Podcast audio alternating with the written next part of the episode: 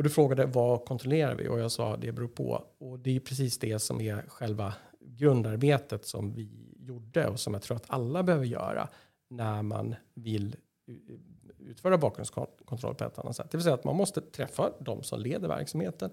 Man måste ställa frågor till dem. Vad är den kritiska delen i en anställning? Vad är det som kan gå fel? Kort sagt någon form av riskspaning mm. i, i olika typer av verksamheter.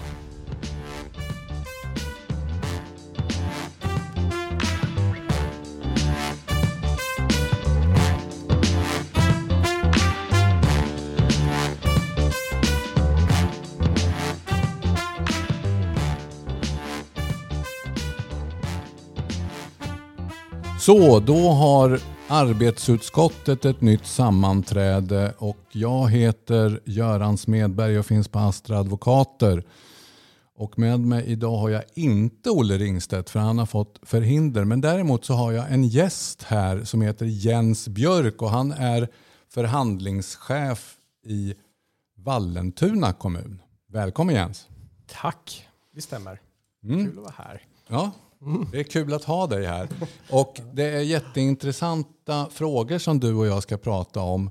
Och det är ja, bakgrundskontroller vad gäller eh, arbetstagare eller anställda vid rekrytering eller kanske till och med under löpande mm. anställning. Jag hade, ju, jag hade ju i förra avsnittet hade jag Johan Leverström från HR-direktören eh, i Södertälje kommun som gäst.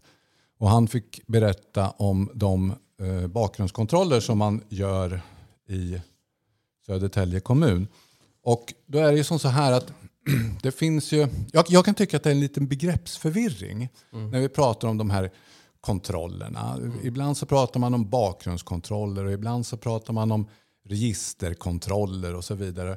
Och det är ju som så att det finns ju lagstadgade kontroller som man skall göra. Mm. Och det är ju, om vi uttrycker oss lite slarvigt, eh, arbetstagare eller i samband med rekrytering när man ska anställa någon som ska jobba med barn, skola mm. och så vidare. Mm. Då finns det... Och inom LSS. Och, ja, just det. Precis. Men det är barn fortfarande. Ja, mm. absolut. Ja, mm. Det är inte vuxna inom LSS. Det är inte vuxna LSS, utan det är, är barn i LSS-verksamhet. Ofta daglig verksamhet. Precis. Ja. Då finns det lagreglerat och det måste man göra. Eller hur? Och sen finns det ju då eh, säkerhetsskyddslagens regler. Mm. Det är också en lagreglerad och det är ju när vi pratar om rikets säkerhet, vissa mm. typer av tjänster. Mm. Eh, då är man också skyldig att, att säkerhetsklassa tjänsten och sen ska, ska det ske eh, bakgrundskontroller och även fortlöpande under anställningen. Just det. Uppföljande, Precis. uppföljande intervjuer, säkerhetsprövningsintervjuer. Och, det. Mm. och det är ju lagreglerat också. Mm. Och sen har vi då de här situationerna där där arbetsgivare, både på offentliga arbetsgivare, kommuner, regioner och så vidare, eh, och privata, är väldigt intresserade av att göra någon slags bakgrundskontroll av i samband med rekrytering mm. och kanske till och med också under, under pågående anställning av personer som söker jobb för att, för att få se om de är straffade helt enkelt, oftast då. Ja, och en hel del annat också. En hel del annat ja, också. Ja. Precis. Och om man då skulle resonera lite grann kring just begreppet bakgrundskontroll eh, gentemot begreppet eh, ja, registerutdrag. För att mm. bakgrundskontroll hos oss i vart fall, det kommer vi komma in på, den är så mycket bredare än enbart en, en så att säga, kontroll av rättsliga ärenden. Mm. Så det är inte bara när vi, när vi pratar om er situation i Vallentuna eller hur ni hanterar det här. Så, då är det inte bara att ni plock, ni ber en arbetstagare eller en kandidat i samband med en rekrytering att mm. ta med ett registerutdrag från belastningsregistret. Mm. mm. Annars så kommer du inte Precis. i fråga för tjänsten. Exakt. Ja, vi, det, måste ha, ja. vi måste ha liksom gjort en notering att vi, ja. har, vi har sett det. Mm, helt enkelt. Men det är inte det enda? Nej, det är det inte. Det okay. Mm. Så, så, att, och det är ju rätt självklart egentligen att det finns så mycket annat som man man vill ha reda på. Och det är de här icke lagreglerade situationerna som då, som då är av intresse tycker jag för oss här. Och då, då tänker jag som så här, skulle du vi, vi, kommer så småningom komma in på hur de här eh, kontrollerna görs och vad det, omfattning och så vidare. Men kan, kan, du berätta lite grann om bakgrunden till varför ni har infört mm. kontroller? Mm. Ja, det finns nog ett, ett antal bakgrunder. Eh, den mest närliggande bakgrunden är ju att för vi kan egentligen tala, jag kan, jag kan berätta hur det gick till. Mm.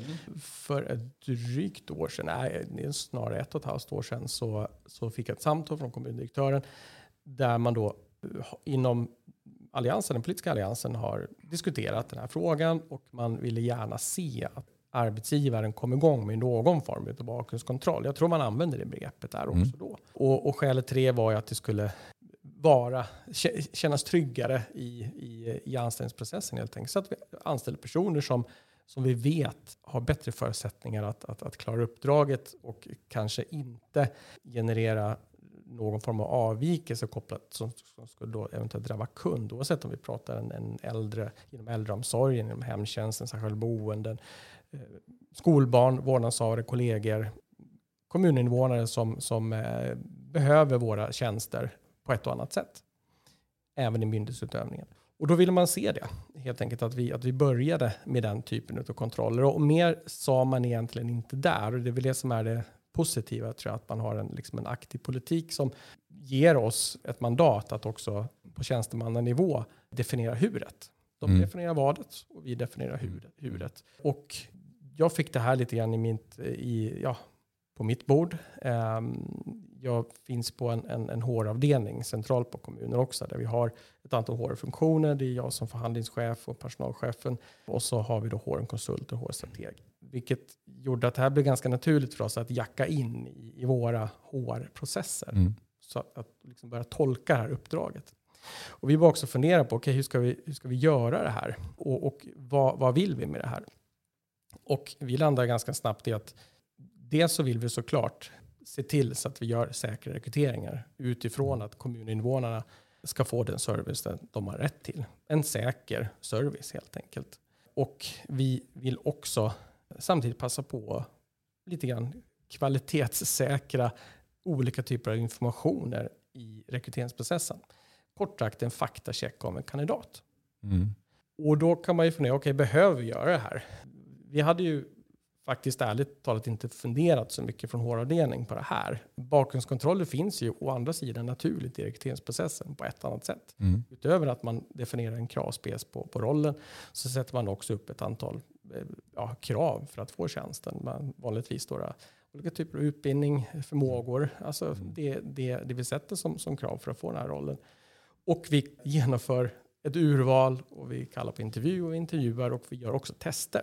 Vi jobbar ganska brett med, med, med, med rekryteringstester mm. in-house hos oss. Men för att också få liksom en slutgiltig kvalitetscheck eller faktacheck av kandidaten så kan man också resonera som så att man, att man för in eh, bakgrundskontroller som en del av rekryteringsprocessen. Mm. Så det gjorde vi.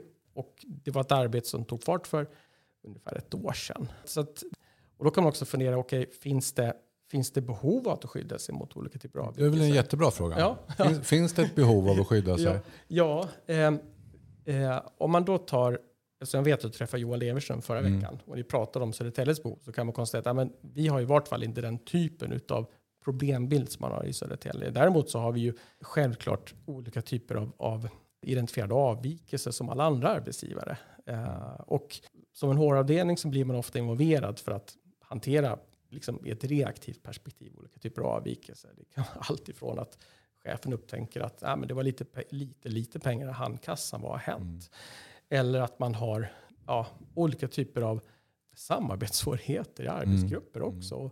Då vill jag brygga tillbaka till just den anledningen att, att, att man från politikens sida gärna ville se det här. Och, och, just det var faktiskt också, jag tror att deras diskussion tog fart av en, av en enskild händelse som kom dem till känna. Och, och, jag tror inte det här är helt, helt ovanligt, så att man i arbetsgrupper eh, har olika typer av samarbetssvårigheter. Mm. För det finns, vi är en stor arbetsgivare, fast vi är en liten kommun. Vi är 1500 tillsvidareanställda mm. plus ja, 500 till som har olika typer av visstidsanställda. Mm. Och eh, ja, vad händer när, när det blir samarbetssvårigheter och man inte har lyckats hantera dem? Ja, det kan också leda till att personalen börjar ta reda på saker om varandra. Och i det här fallet så hade man gjort det. Man hade tagit reda på, på att en i den här, i den här arbetsgruppen var, ja, hade, hade liksom en, en, en, en, en, en dom eh, som kanske inte var helt lämplig för att jobba i den här typen av verksamhet. Och det kom liksom arbetsgivaren till känna och så, och så, eh, så ville man på något sätt ta ett exempel också för att belysa varför man ville att vi skulle göra det här. Mm.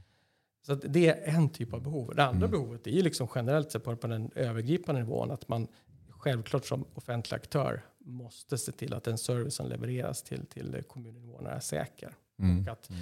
vi, vi, vi, vi har ett orubbat förtroende eh, mm. från kommuninvånarnas sida. Att vi, vi, vi är opartiska i vår i vår handläggning av ett ärende exempelvis. Mm. Och vi är lojal med, med eh, lagstiftningen inom området.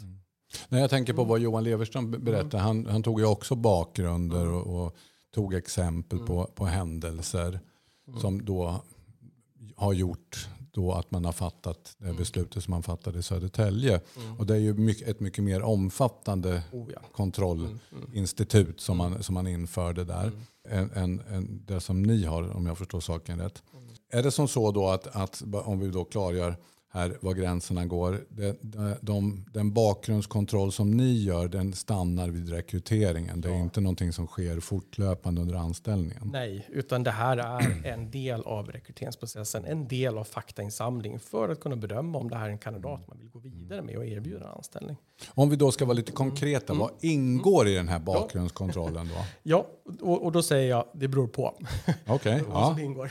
Eh, för att vad vi gjorde när vi, som jag sa, jag hade ingen större erfarenhet av det här och ärligt talat ingen större kunskap heller. Så jag började inhämta kunskap och inser att här måste vi nog liksom fundera ett par varv innan vi inför någonting. Man kan enkelt uttryckt abonnera på någon form av eh, tjänst, digital tjänst, där man, man som arbetsgivare kanske eh, ja, inhämtar information.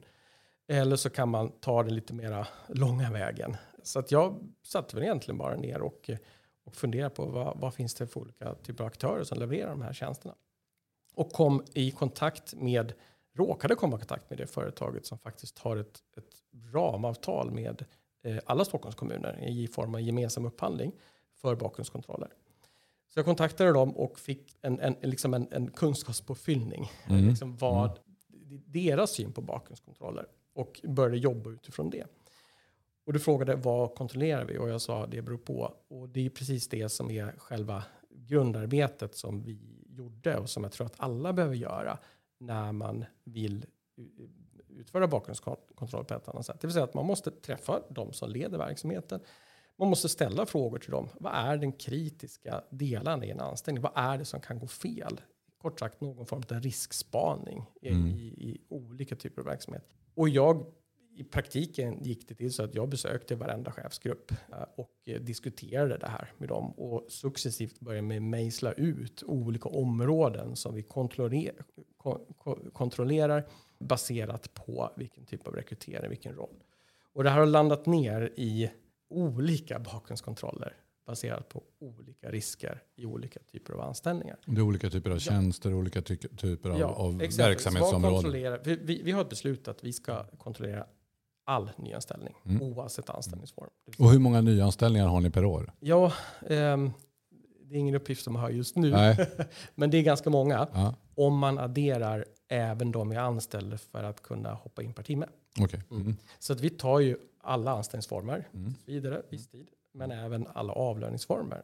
För att det är ju potentiellt en, en rekryteringskälla. Mm. Börjar man som eh, omvårdnadsassistent så, så, så kan man, om man då saknar en adekvat utbildning, för vi tillsvidareanställer i huvudsak undersköterskor. Mm. Eh, sen så kan man då komma in på en tillsvidareanställning också såklart. Mm. Om, man, om man är omvårdnadsassistent, mm. saknar utbildning. Ofta vid ett timme. Mm. Eh, så därför kontrollerar vi också de som är timavlönade. Mm. Som vi säger. Och eh, en undersköterska och omvårdnadsassistent kontrollerar vi på ett sätt. En planingenjör kontrollerar vi på ett annat mm. sätt och en lärare på ett tredje sätt. Mm. Och så har vi ett antal olika nivåer som vi beställer egentligen då från det här företaget som sen efter att de hanterar det här medgivandet från kandidaterna börjar samla in fakta. Och då samlar de egentligen enbart in fakta som är relevant för oss att veta. Och redovisar egentligen ingen fakta till oss om det är så att kandidaten är godkänd för att gå vidare i rekryteringen. Utan det här är egentligen en faktainsamling som de sköter utifrån vår riskprofil, utifrån deras bedömningsmatris. För de måste också förenkla för sig mm. själva när de mm. bedömer de här riskerna. Eller bedömer information som kommer in från, från, från, eh, från, från, från de aktörerna de inhämtar informationen.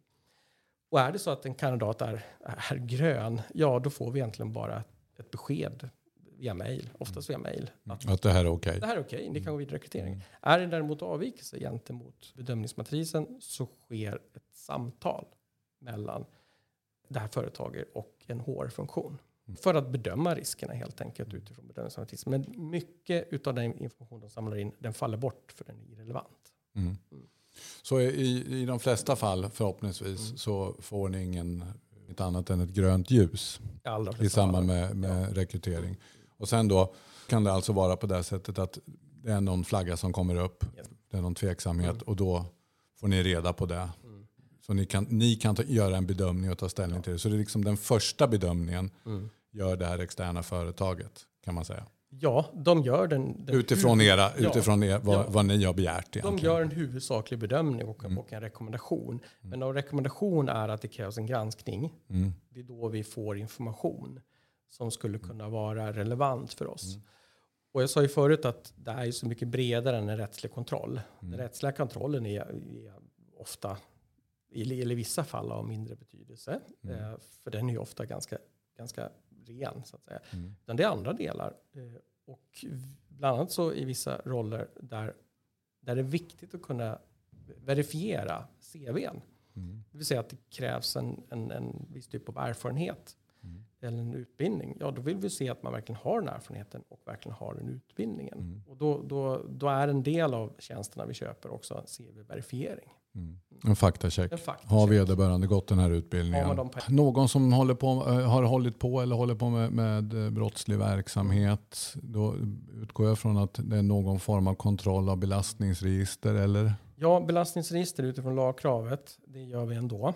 Det gör ju verksamheten ändå, för det följer av lagkrav och det liksom ligger utanför det här. Ja, det ligger utanför ja, det här. Men ja, om vi då tittar på de här Sen, som inte är lagreglerade. Yes, precis, då, då gör vi, om vi säger, man skulle kunna säga att vi har någon form av baspaket. Jag mm. menar, eh, alla, alla kontrolleras ju i, i form av id-kontroll. Man mm. måste kunna Tar ni, legit tar ni legitimation på den som kommer på en intervju? Eh, så ni ser att det är Kalle Karlsson som är på intervjun? Alltså, eh, det, det ska man göra. Ja. I vart fall i legitimationsgrundande yrken. Ja.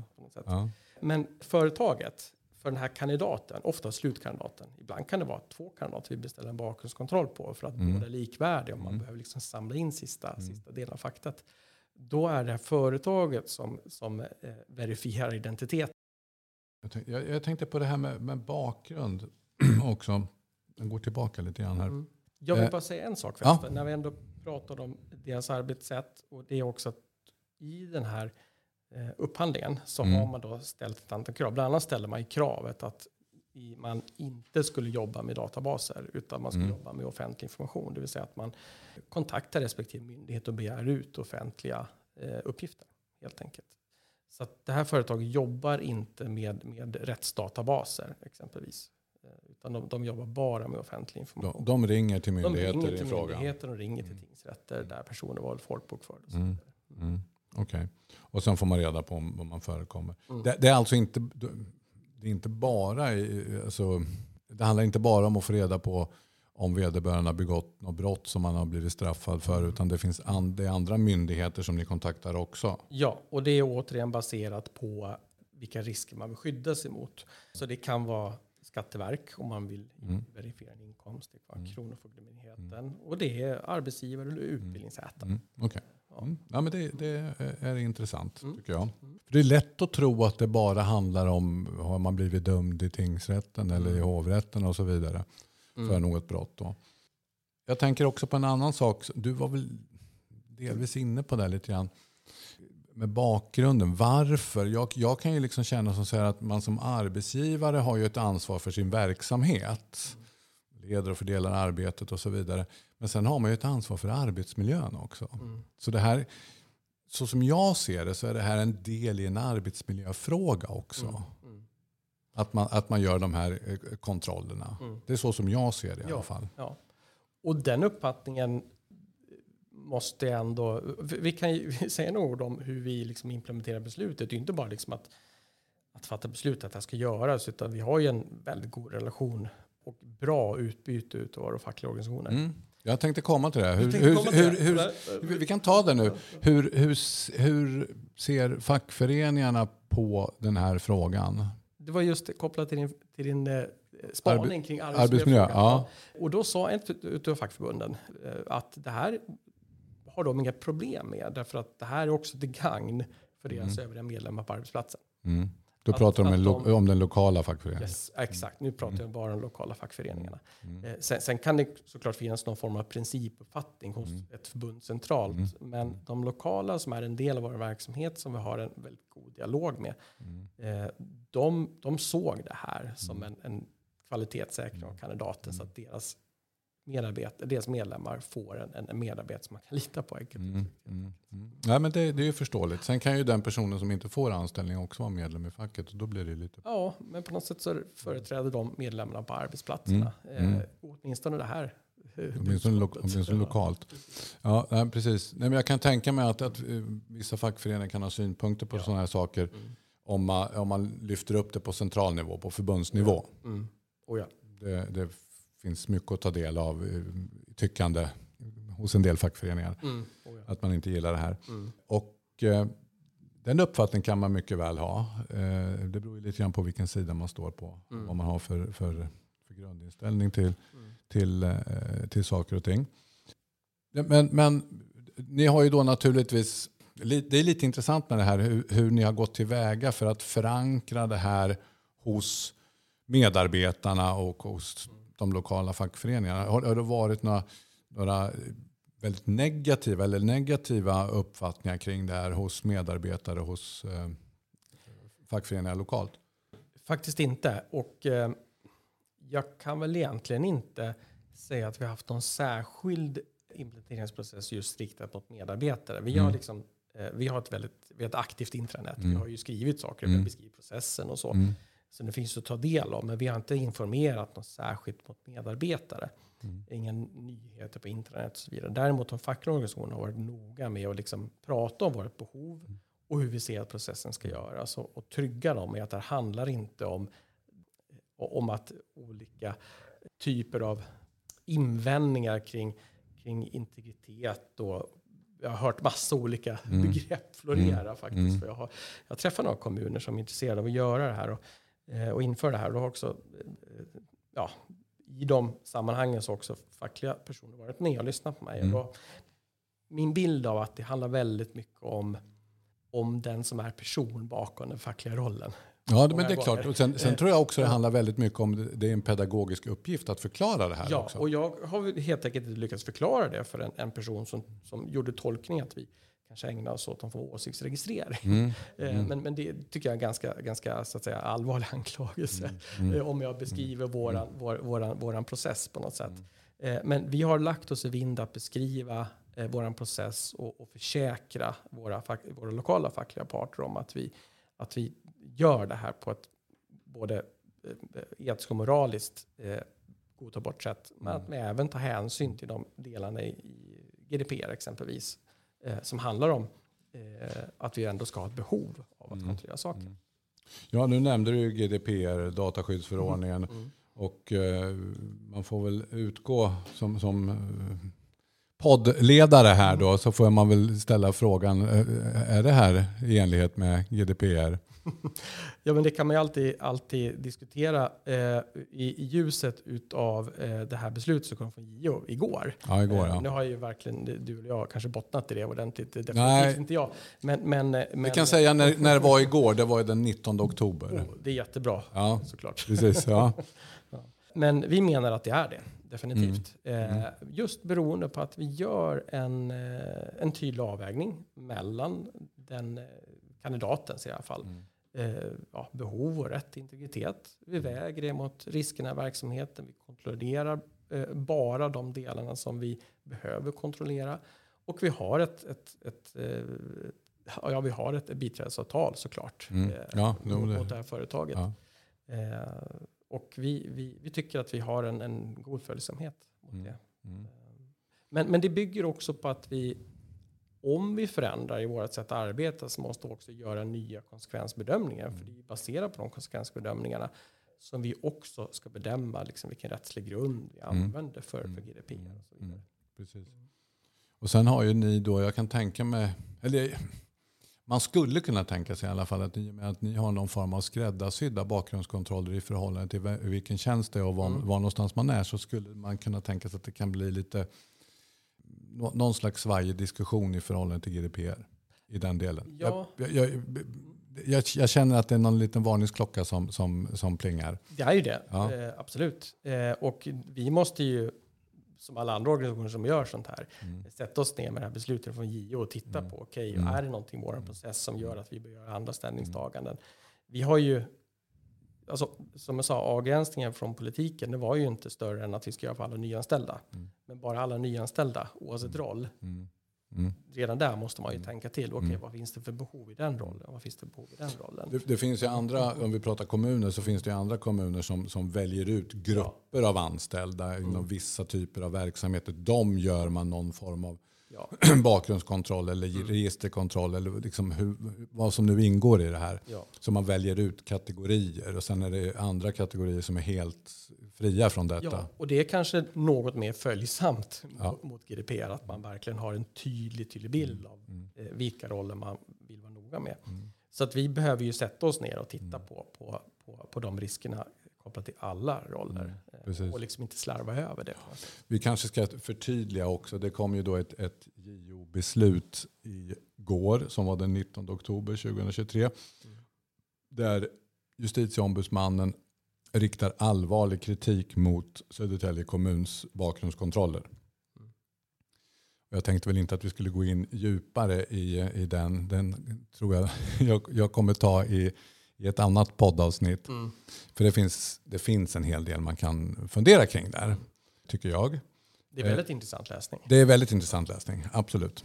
Och eh, ja, som sagt var allvarlig kritik, det är ju, då, då har man, då har man ordentliga synpunkter på, på hanteringen. Mm. Men som sagt var, Södertälje kommuns eh, bakgrundskontroller i förhållande till Vallentuna kommuns bakgrundskontroller, det är ju lite, jag tänkte säga lite grann som natt och dag. Det är väldigt stor skillnad, skillnad. På, på, eh, på, på, omfattning och eh, tillvägagångssätt. Mm. Södertälje kommun hade ju också så fortlöpande under mm. anställningen för mm. samtliga eh, 7000 anställda. Så det är en väldigt omfattande hantering. Så, så att det är en otroligt stor skillnad. Om vi säger så här, sen ni började med de här kontrollerna, då har ni, har ni sett några resultat från kontrollerna? Mm. Mm. Att ni har konstaterat att det här, det, det här, den här personen kan vi inte anställa. Mm, ja, absolut. Det, det, har vi gjort. Resultat på olika sätt. Dels har vi sett resultat att det måste skruva en process för att ja. få det mer kvalitetssäkrad. Ja. För det är klart att vi, vi har ju trevat oss fram på något sätt. Ja, det är självklart. Vi, vi är en av de ja. första som gör det tror jag. Mm. Eh, men ja, vi har också fått eh, resultat om man då skulle kunna säga träffar, ja. som har gjort att vi faktiskt inte har anställt. Mm. Det har vi. Mm. mm. Och det är, ju, det är ju i huvudsak olika typer av rättsliga ärenden mm. där vi har sagt att man är nog inte lämplig eh, utifrån den krav, kravspecen vi sätter ja, i den här rollen. Mm. Sen uttalar vi oss aldrig om individ. På något sätt, utan vi har, vi har liksom bestämt att det här är kravet från tjänsten. Mm. Eh, och då, då, som, som att addera alla övriga krav i en rekryteringsprocess. Mm. Så då har vi definitivt valt att inte gå vidare med kandidater som, mm. som, där vi har fått en, en, en, en avvikelse. Så nu kommer ju då den här obekväma frågan mm. från mig. Då. Mm. Så det här betyder ju då att om jag finns i belastningsregistret och har gjort något dumt och blivit, blivit dömd för det, då är det kört för mig. Då kan inte jag få jobb hos er. Nej, jo, det kan man visst det. Men kanske i en annan roll. Mm. Och det är därför vi gör den här, mm. den här riskspaningen och riskbedömningen. Mm. Att vi just gör ett uttalande i den här rollen som sätter de här kraven. Mm. Det betyder inte eh, att man är låst eller utestängd. Jag kan väl i och för sig tänka mig att vissa typer av brott då kanske man inte kan få något jobb överhuvudtaget hos er. Så skulle det kunna vara. Så, så, ja, så kan det nog vara. Men sen, eh, alltså, det finns ju så många olika typer av brott. Men vad vi pratar om nu, det är ju egentligen inte de grova brotten som mm. finns i, i registerutdragen som man får mm. från polisen. Mm. För det är ju nu kan inte jag dem rakt upp och ner, men det är grova våldsbrott, det är mm. dråp, det är sexualbrott, barnpornografibrott. Mm. mm. Utan det här är liksom andra som inte skulle ha fångats upp mm. där heller. Mm. Eh, som har gett ett utslag. Så att säga. Så att då, mm. det, är ju, det är ju ofta brott av mindre allvarlig karaktär. Som definitivt inte utestänger från en annan roll. Ja, just det. Mm. Ja, för att det här är ju ofta en, en kritik mot det här. Att det kommer vara kört för, Mm. för, för de här personerna som finns i, Mm. i, i eh, belastningsregistret. Det är kört. De kommer vara utanför arbetslivet för evigt. Ja, in, in, inte hos oss som vi ser det, Nej, men nej. Mm. det finns vissa roller där det är olämpligt. Okej, det var resultatet Mm. av införandet då.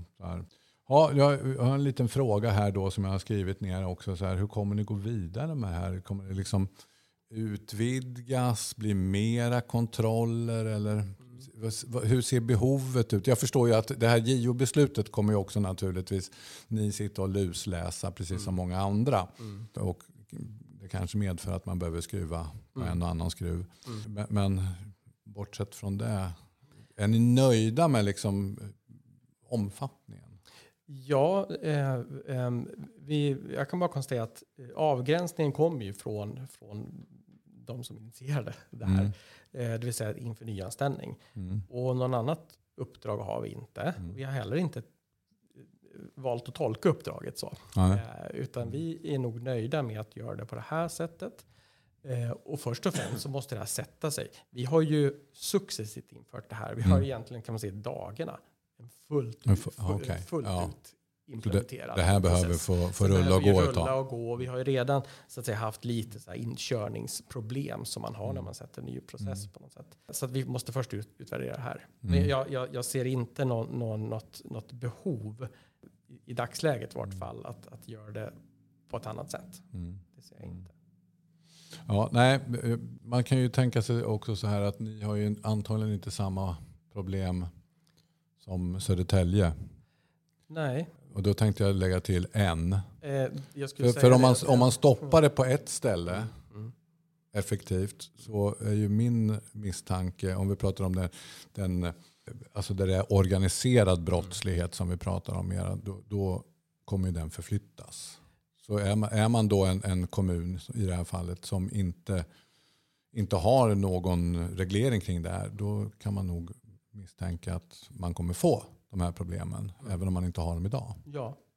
Vi är en del av samhället, samhällstrenden ser ut som den Mm. gör. Jag kan konstatera att vi har ett stort intresse av andra kommuner som vi kikar på det vi gör. Mm. Så att jag tror att det här är många som kommer att, som, som, som känner den Mm. farhågan och Mm. att man vill göra vad man kan. Mm. Och ett sätt, det är i vart fall att kontrollera de som börjar hos oss. Ja, precis. Mm. Jag tänker på, när ni, har, när ni har funderat på de här sakerna för att införa detta, då, hur har tankarna gått kring, kring, den personliga integriteten? Du behöver inte göra någon djuplodad juridisk Nej, analys nej, här, men, men, men, men, men liksom, har, har ni haft med det i någon vågskål? Och de regler som finns i regeringsformen och Europakonventionen om mänskliga rättigheter? att det är någon, någon slags tanke på att Mm. det här är proportion, proportionellt. Ja, eh, ja, och det är ju, egentligen så är det ett, ett uttryck för hur vår process ser ut. Mm. Säga att vi, vi låter det här företaget enbart samla in information som är relevant för oss Mm. och att vi heller inte vill veta Mm. någonting. Eller vi vill veta så lite som möjligt. Och det är ju skälet till att man kanske inte gör det på egen hand utan man låter någon annan göra det. Mm. Och det här är den egentligen första frågan som lyftes av de fackliga organisationerna också såklart. Just, den, just frågan kring den enskildes integritet. Mm. Och då har vi kunnat redogöra för det här med, med liksom handen på, på, på hjärtat och säga att vi, vi, förstår att de här delarna är viktiga och vi har en process. Och vi får också vägledning från det här Mm. företaget. För att det får man också säga, eftersom vi var okunniga om det här. Företaget är ju duktiga på det här och de har ställt krav på oss. Mm. Helt enkelt. Mm. Att vi ska, vi ska kunna redogöra för egentligen våra behov.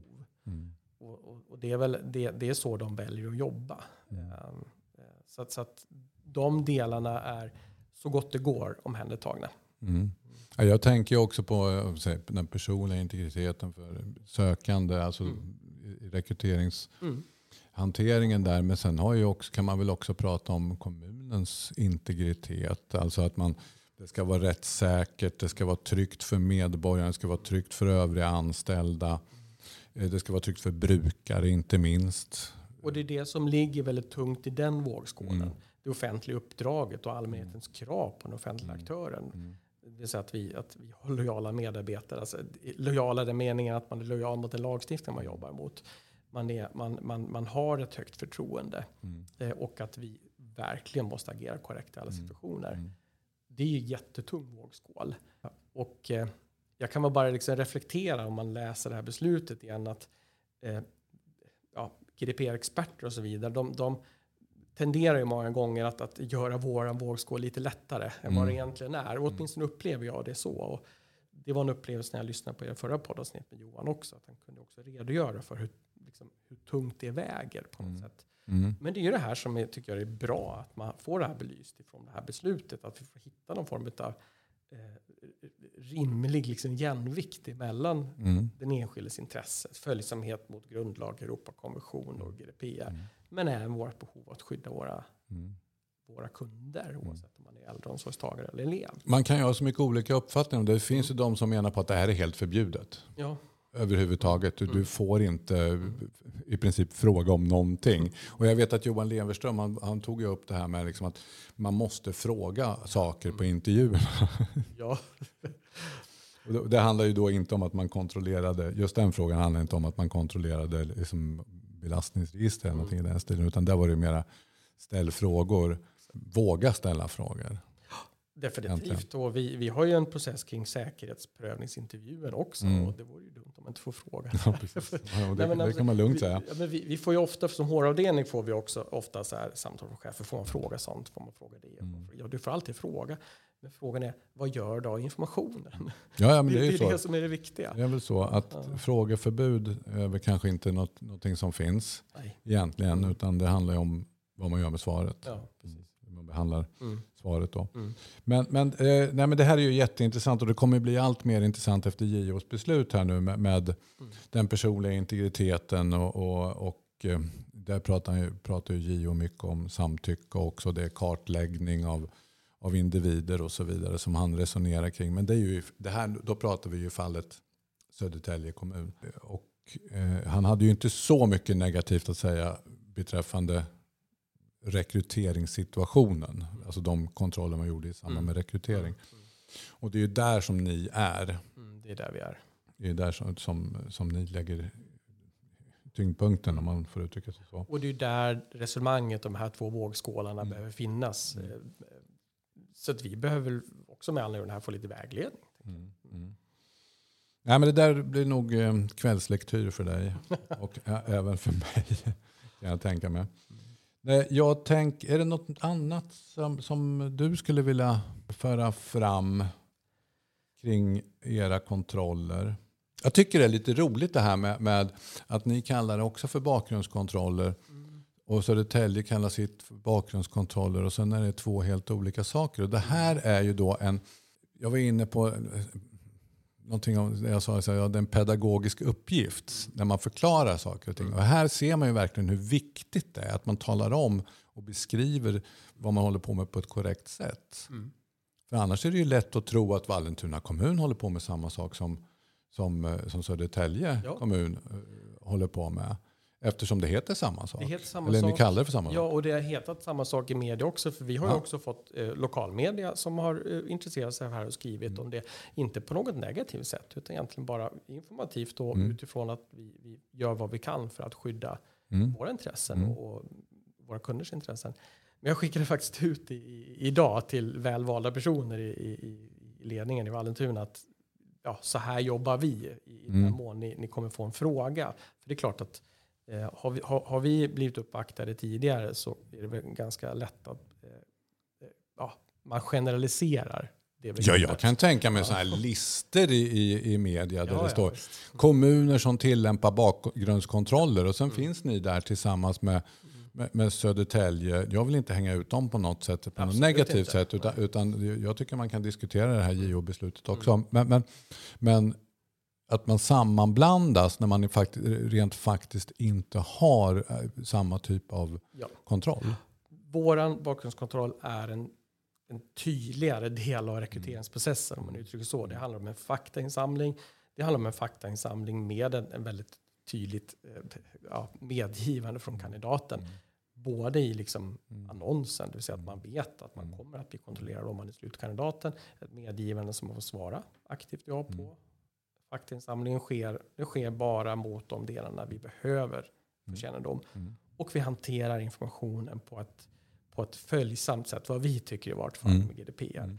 Eh, och, vi, vi, vi, eh, och, och även den personliga integriteten. Ja, ja, precis. För att Mm. vi, vi, det är ju så, så att cheferna får ju inte återkoppling kring avvikelser, utan det är en Det HR-funktion. är en HR-fråga Ja, det är bara. en person ja, det. egentligen då, som, som, och det är för att vi också ska bedöma avvikelser på ett rimligen likartat sätt. Vet ni, ja då vet ju, jag tänkte ställa en dum fråga, vet ni vem det är då? Men det vet ju ni då, för att det är ju bara en eller möjligen två som är kvar då i rekryteringsprocessen. Ja, och varje, varje beställning kopplas med ett unikt nä- ärendenummer. Mm. Alltså, som man kan så att vi, vi, får ju inte, vi får inte några personuppgifter från företaget i, i, skriftlig form på det sättet.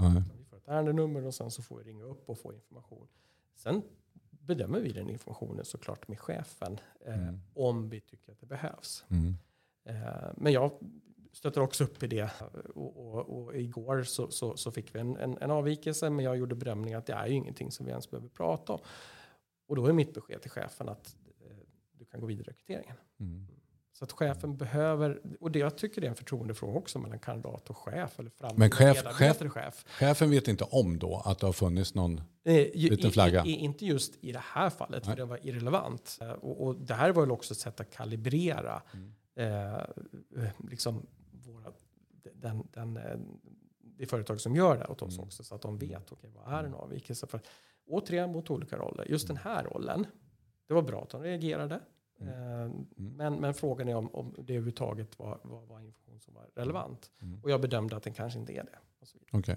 Men det är inte så att du någon gång eller HR-funktionen någon gång går till chefen vi och göra. frågar Ja. vad tycker du om Jo, det här? jo, det måste vi göra Okej. i, i, i, i vissa fall. Mm. Eh, och det är de fallen där vi faktiskt också har nekat. Eller Mm. nekat. Vi, vi nekar aldrig en anställning beroende på det här, utan det är en Det är helhetsbedömning. en helhetsbedömning, ja. Ja. klart. Och, och eh, då blir det en refusering, det vill säga att man inte går vidare i processen. Eh, och då är det chefen som, som fattar beslutet Mm. såklart. Men, men vi har ju styrt informationen till HR-funktion för att vi ska få en samlad, samlad bedömning utifrån kravspecen. För det är så lätt att det också blir ett individperspektiv i det här. Mm. Mm. Och det är inte det vi vill. Vi vill, vi vill att, det Mm. ska bli, att det ska läggas som en, en kompletterande kravspec. Mm. Mm. Ja, men jag förstår. Jag tänkte på en sak som jag glömde fråga tidigare här. Jag frågade hur fackföreningarna hade tagit emot eh, eh, medborgarna. Mm. Vad säger medborgarna om detta? Det, det, det vet jag faktiskt inte. Nej, det har inte, du- om du inte vet det så har det Nej. antagligen inte kommit något negativt i alla fall. Nej, nej, det har det nog inte. Eller det har det ju inte, för då skulle vi ha förmodligen vetat om det. Ja. Eh, som jag sa, lokalmedia har skrivit om det, men jag har inte sett något, någonting kölvattnet på det på något sätt. Ehm, Har det varit negativ press? Eller jag tror att du sa förut ja, att nej, det, var, det var mera fakta. Jag har själv inte läst de artiklarna, men jag har fått dem återberättade för mig. Jag bor inte i Vallentuna själv. Mm. Mm. Eh, och det har mera varit en informativ eh, eh, artikel. Så Mm. Nu gör kommunen Mm. det här. Och min uppfattning är i vart fall att, det, att man har framställt det som positivt Mm. utifrån säkerheten för våra kunder. På något sätt. Jag kan tänka mig att, att eh, det, det kommer ställas frågor här ganska så snart Ja. till många kommuner. Så jag tror att eh, du ska fortsätta på den där inslagna vägen och beskriva för andra inom kommunen vad ni gör. Så att ni inte liksom blir felaktigt kategoriserade med tanke på benämningen här. Ja, det, det, det, det måste, precis. För jag kan, Eh, jag kan känna ibland att allt som kan missförstås, det missförstås. Det, absolut, det, det, det har vi en vana av och det, det kan också missförstås i- internt. Därför måste man vara väldigt tydlig. Och jag- ska självklart liksom ta det här vidare, precis som jag skrev ut idag till organisationen. Jag måste nog skriva ut lite bredare också och förklara vad vi gör. Mm. Att det här är ett begrepp som, som eh, inte innebär att vi åsidosätter åsidosätter Europakonventionen och grundlag. Nej, nej, precis. Nej, det, man kanske inte vill det. Det, det en, vi gör ju också det här faktiskt, vårt varumärke. Det är en del av bakgrundskontrollen, pratar man nog ganska lite om.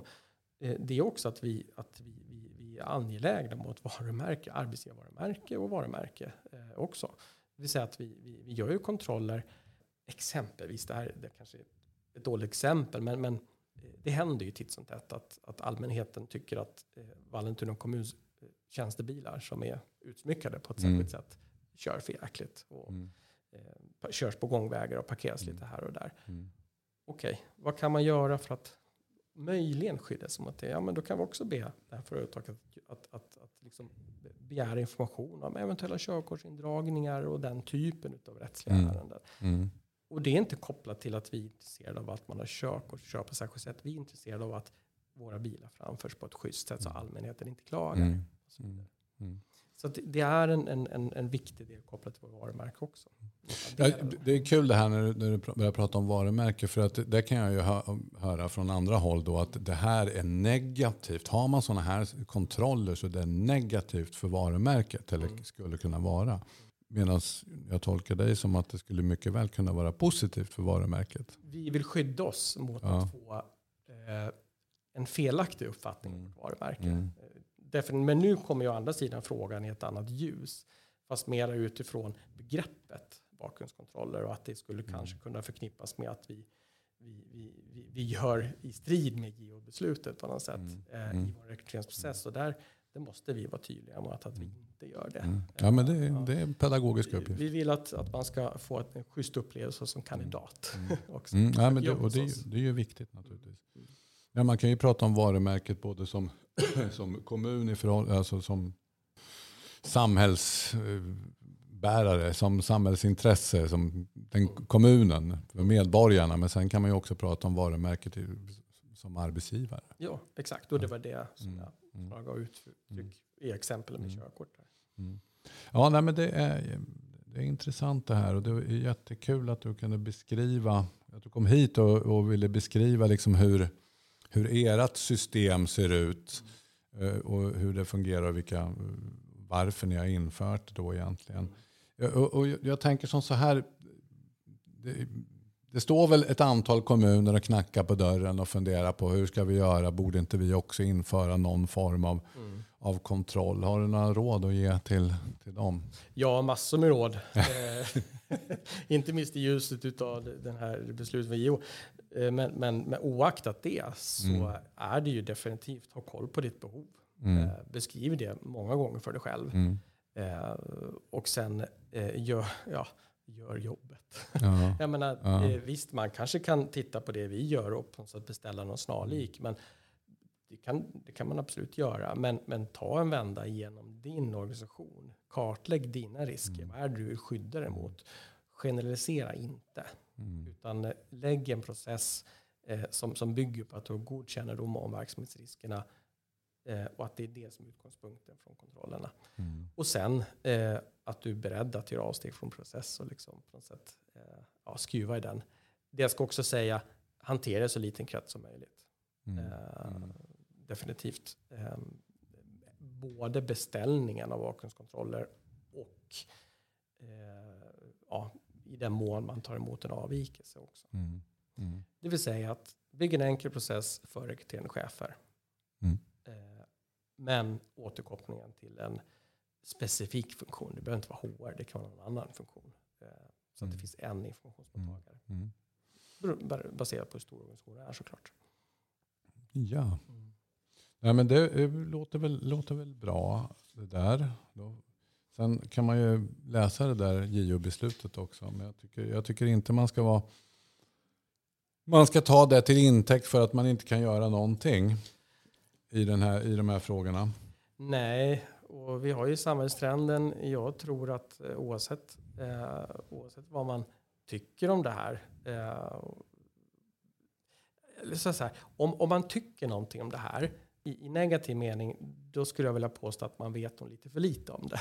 Mm. Så att man behöver nog ta reda på vad det innebär. Mm. eh, Det här. Mm. Eh, och, eh, jag, jag, jag tror att det här är någonting som, man, som fler kommer att behöva göra. Mm. Eh, och jag kan bara konstatera att vi har en, en hel del avvikelser och en hel del, eh, ja det är svårt att liksom, i procent säga, men eh, eh, kan man skydda sig mot någonting då tycker jag att man ska göra det som offentlig aktör. Det tycker jag också. Och jag tror ju dessutom att även om man inte är en offentlig aktör utan man är en privat aktör Mm. Så finns det definitivt intressen. För det är ju på det här sättet också att om man lyssnar då på ett tidigare avsnitt av, av arbetsutskottet så går Olle Ringstedt och jag igenom hur lätt eller hur svårt det är att säga upp någon som har begått ett brott som i och för sig inte är riktat mot, mot arbetsgivaren eller det finns en koppling mot, Mm. mot arbetsgivaren. Och det är ju inte sådär superenkelt att komma upp i begreppet sakliga skäl. för uppsägning när det är någon som har begått en brottslig handling som kan vara väl så allvarlig när det, när det inte finns någon koppling till, till arbetsgivaren. Så, så, att jag tror nog, och jag har haft sådana ärenden själv också, där, där man jag har frågat klienten, men har ni inte gjort någon kontroll på den här personen? Nej, det har vi inte gjort, men vi kommer att göra det i fortsättningen. ja, och då har man hamnat just i sådana här situationer där man, där man rent faktiskt har fått, uh, fått reda på, oj, det här, den här personen skulle inte vi ha anställt. Mm. Och då kan man ju också föra det vidare till rena förtroendefrågor. Det beror ju på naturligtvis vad, man, vad det är för arbetsgivare, för, för verksamhet, vad det är för tjänst och så vidare. Som, som, som arbetstagaren har. Mm. Men, men eh, det, är ju, det här är ju en del i det hela. Vi pratar om, om bakgrundskontroller. Men sen då när, när man har anställt någon eh, och det händer någonting. Ja, ta Södertälje kommun till exempel. Om de får upp en flagga under anställningstiden. Vad gör man då? För vi har ju en arbetsrättsreglering som man måste hantera. Precis, och eh, många gånger så tvingas man ju söka svar på den frågan utanför juridiken. Så är det. ja. Helt, visst, är, och, visst är det så. Eh, för, för det är ytterst sällan. Eh, nej, men det är där man kan skydda sig. Det är genom bakgrundskontroller eller kontroller. Jag menar, Kontroll, rekryteringsprocessen ja. Eh, den, den, den, innehåller ju flera kontrollmoment mm. ändå. Mm. Referenser och det är klart att man kollar CV och det är klart att man googlar. Det gör ja. alla människor. Ja. Eh, och mycket information kan man faktiskt få ändå utan att vända sig till, till mm. någon som gör den här typen av bakgrund. Och ska man bara ringa till de referenterna som, som den som söker jobbet nej, det gör man ju inte. Har, har lämnat. nej, det gör man ju inte. nej, nej, så, så att, nej, det finns mycket att, att fundera på mm.